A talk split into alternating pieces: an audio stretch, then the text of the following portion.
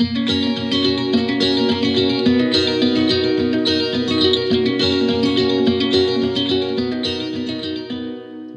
til Danske Bankers, podkasten for deg som vil vite hva som rører seg i markedet fra uke til uke. Mitt navn er Fredrik, og med meg i studio så har jeg som vanlig Christian Lie, vår sjefstrateg. Velkommen, Christian. Takk for det. Det er jo sånn som det ofte er eh, på, i starten av året, og så er det etter juleferien. Man føler jo nesten at man eh, ligger for døden med diverse forkjølelser osv. Men vi får prøve, prøve å hoste oss gjennom den sendingen her også. Så hva er det som har skjedd denne uken her? Det som har eh, preget denne uka, her er jo litt som vi var inne på forrige bankers også. Det er Iran-situasjonen relatert til USA. Og det som har skjedd natt til i dag, det er jo at Iran har sendt av gårde noen raketter mot et par amerikanske militærbaser i Irak uten å etter det jeg kjenner til, forårsaket vesentlig skade verken på materiell eller på personer.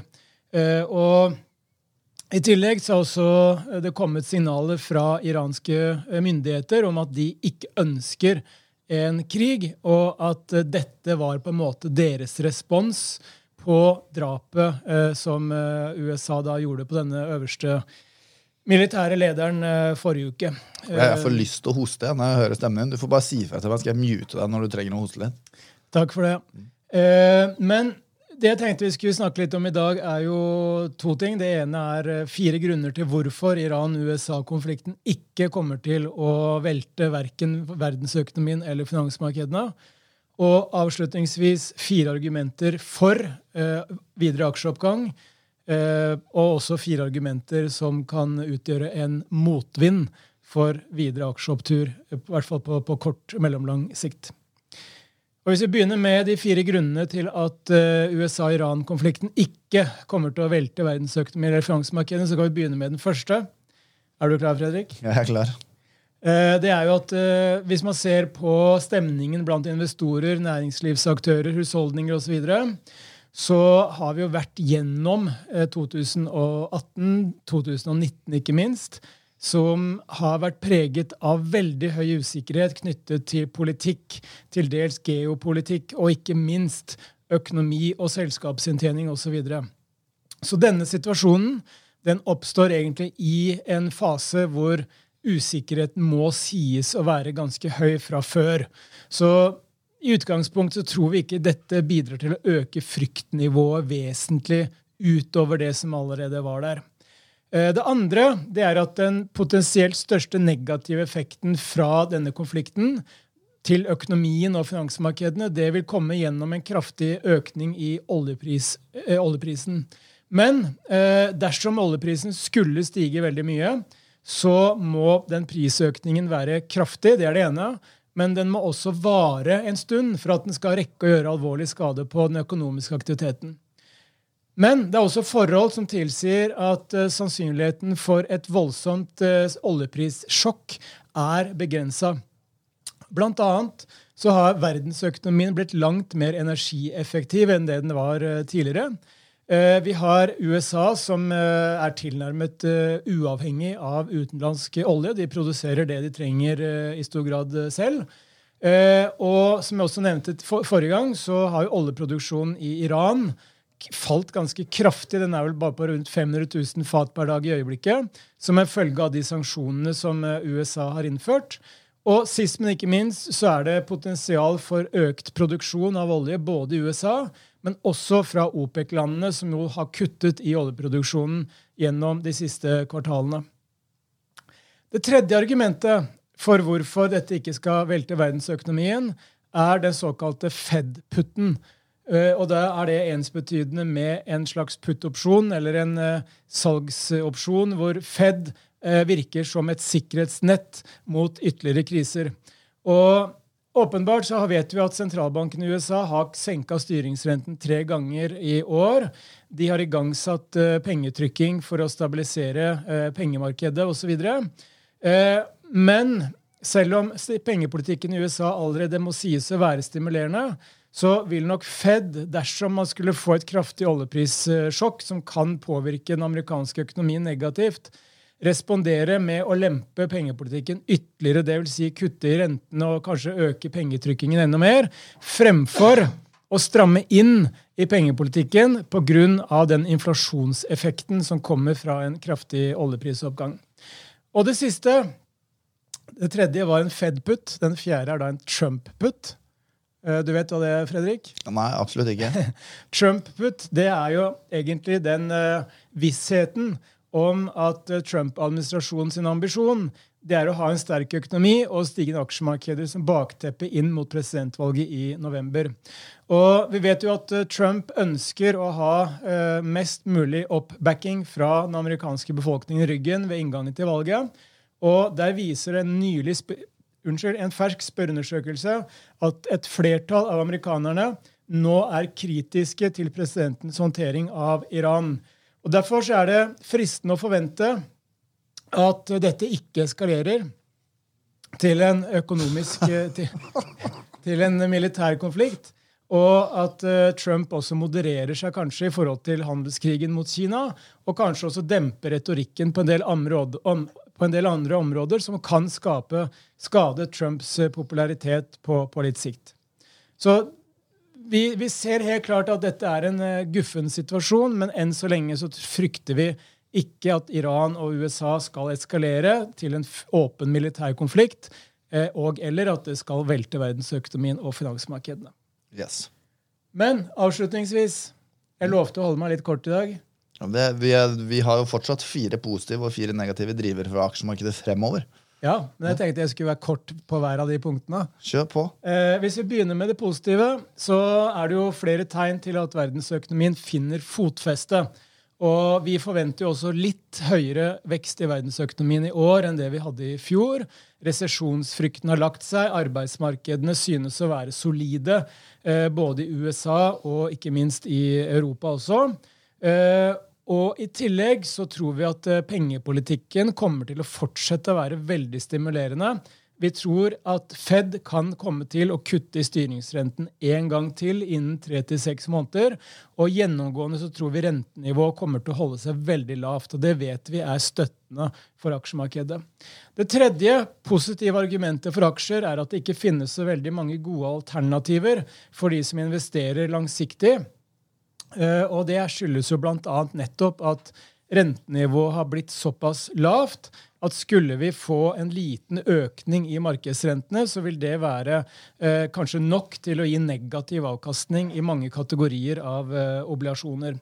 Og vi vet også at eh, selv om aksjer på så, for så vidt også er litt eh, høyt prisa, så er det også høye priser på mange andre investeringskategorier, eh, også utenfor de tradisjonelle segmentene.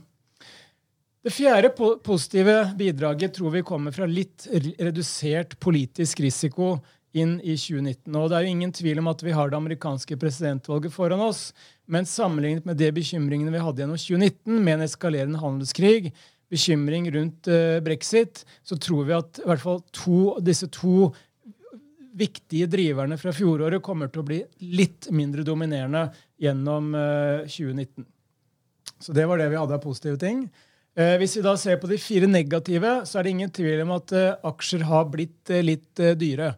Fordi gjennom 2019 så hadde vi en, faktisk den største økningen i PE-nivå for globale aksjer siden 2009, når markedene hentet seg inn etter finanskrisen.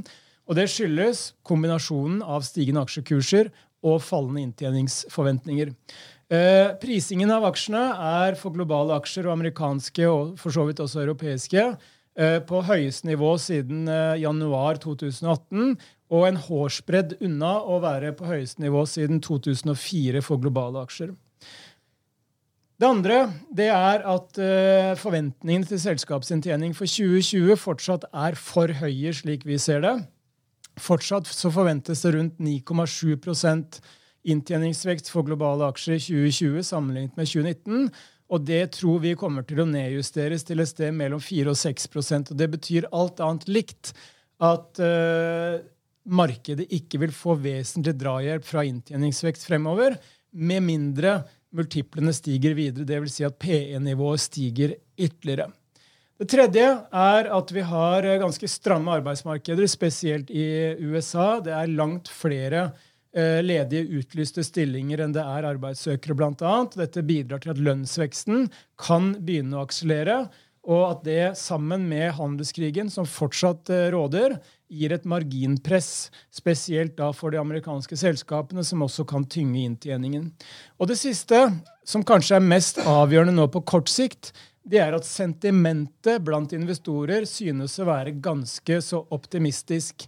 Eh, faktisk på nivåer eh, som vi så ved inngangen til fjerde kvartal i fjor, og også på slutten av 2017, da sentimentet var veldig veldig positivt, og man forventa at dette skulle vokse inn i himmelen med stigende aksjekurser. Så det betyr at eh, markedet er litt mer følsomt for dårlige nyheter. Iran-saken er tydeligvis ikke nok, men skulle vi få noen økonomiske skuffelser eller kanskje negative nyheter i relasjonen mellom USA og Kina, så kan markedene stå laglig til for hogg i forhold til en, eh, en eh, korreksjon, i hvert fall. Yes. Noe mer for denne uka her? Nei, nå er jeg helt ferdig.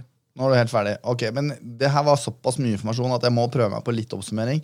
Der kommer jeg nok til å måtte ha litt, uh, litt hjelp av deg på de fire positive og fire negative. Fokuserte egentlig mest på at du, uh, jeg føler at du må veldig hoste.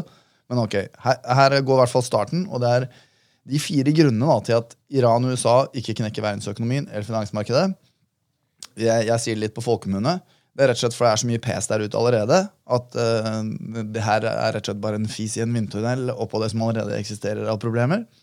Uh, nummer to en av Frykten ved en sånn type konflikt er en, en, en, høy oljepris. og For at det skal få negative konsekvens for verdensøkonomien og finansmarkedet, så må den være varig og ganske betydelig.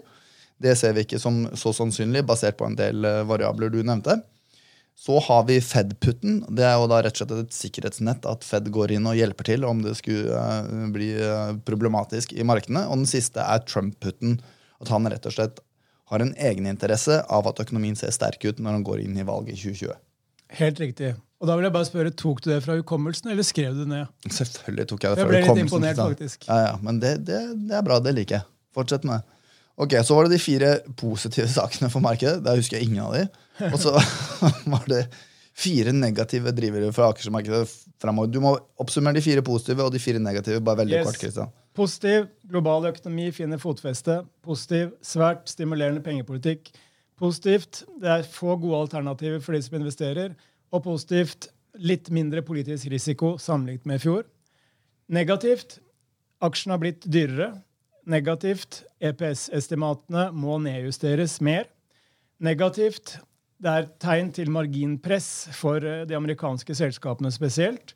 Og til dels negativt. Sentimentet er veldig optimistisk, og det gjør det følsomt for negative nyheter. Veldig bra, Kristian. Takk skal du ha. Hva, hva, er det som skjer neste uke, eller i slutten av denne uka her da, og i neste uke? Ja, Det som skjer eh, på slutten av denne uka, her er jo den amerikanske arbeidsmarkedsrapporten som kommer på fredag. Forventes å vise fortsatt god eh, vekst i sysselsettingen i USA. Neste torsdag så får vi detaljhandelstall fra USA. De er viktige fordi de egentlig er en uh, indikator på kjøpekraften og forbruksviljen hos verdens viktigste forbrukere. Og fredag, natt til fredag kan vi vel si, så får vi denne berømte Kina-tripletten igjen, med industriproduksjon, detaljhandel og kapitalinvesteringer fra Kina. Ja, og det er da selvfølgelig neste fredag? Det er neste fredag. Og så vil jeg bare kort også oppsummere de nøkkeltallene som vi trakk frem forrige uke, nemlig bl.a. Eh, den amerikanske ISM-indeksen, både for industrien og for servicesektoren. Og de overrasket i hver sin retning, fordi at den amerikanske ISM-indeksen for industrien den falt nemlig til det laveste nivået siden finanskrisen, som var en stor skuffelse. Mens den eh, ISM-indeksen for servicesektoren den overrasket positivt og steg til 55 indekspoeng, som er veldig veldig sterkt. Så dette underbygger egentlig bare den situasjonen vi har hatt i økonomien de siste kvartalene, nemlig en ganske gedigen forskjell mellom utviklingen i servicesektoren og utviklingen i industrien. Veldig bra. Takk skal du ha, Kristian. Jeg vil igjen oppfordre våre lyttere før, før jeg oppsummerer eh, hele denne sendingen, så vil jeg oppfordre våre lyttere til å følge Christian på Twitter. Og ditt handle er Christian? Lie CHR. Lie CHR på Twitter. Der legger han ut eh, ganske mye mer enn det vi bare snakker om i denne podkasten her. Eh, er det mulig å se det i avisen i løpet av helgen? Kristian? Ja, eh, jeg er så heldig at jeg er blitt invitert til å være med å skrive makrokommentar i Finansavisen på lørdager sammen med en del eminente norske makroøkonomer. Så på lørdag så kommer det en kommentar om litt av det jeg snakket om i dag. Ja, Den invitasjonen min der må ha blitt borte i posten. Men ok. Eh, da skal jeg oppsummere de viktigste sakene for eh, neste uke. Vi får eh, ja, arbeidsmarkedsrapporten nå på fredag eh, klokken halv tre. Så får vi detaljhandel, detaljhandelsvekst fra USA neste torsdag klokka halv tre. Og neste fredag så får vi Kina-trippeletten, som da er kapitalinvesteringer Industriproduksjon, og detaljhandel. Vakkert. Måtte sette pa pause her litt, for jeg, glemte selvfølgelig markedsbevegelsene. Men markedsbevegelse de siste fem dager i hvert fall er OCBX opp 0,5% SMP 500 opp 0,5% Eurostock 600 opp 0,3% og oljeprisen opp 4% Det var alt vi hadde i ukens episode av Danske Bankers. Vi høres.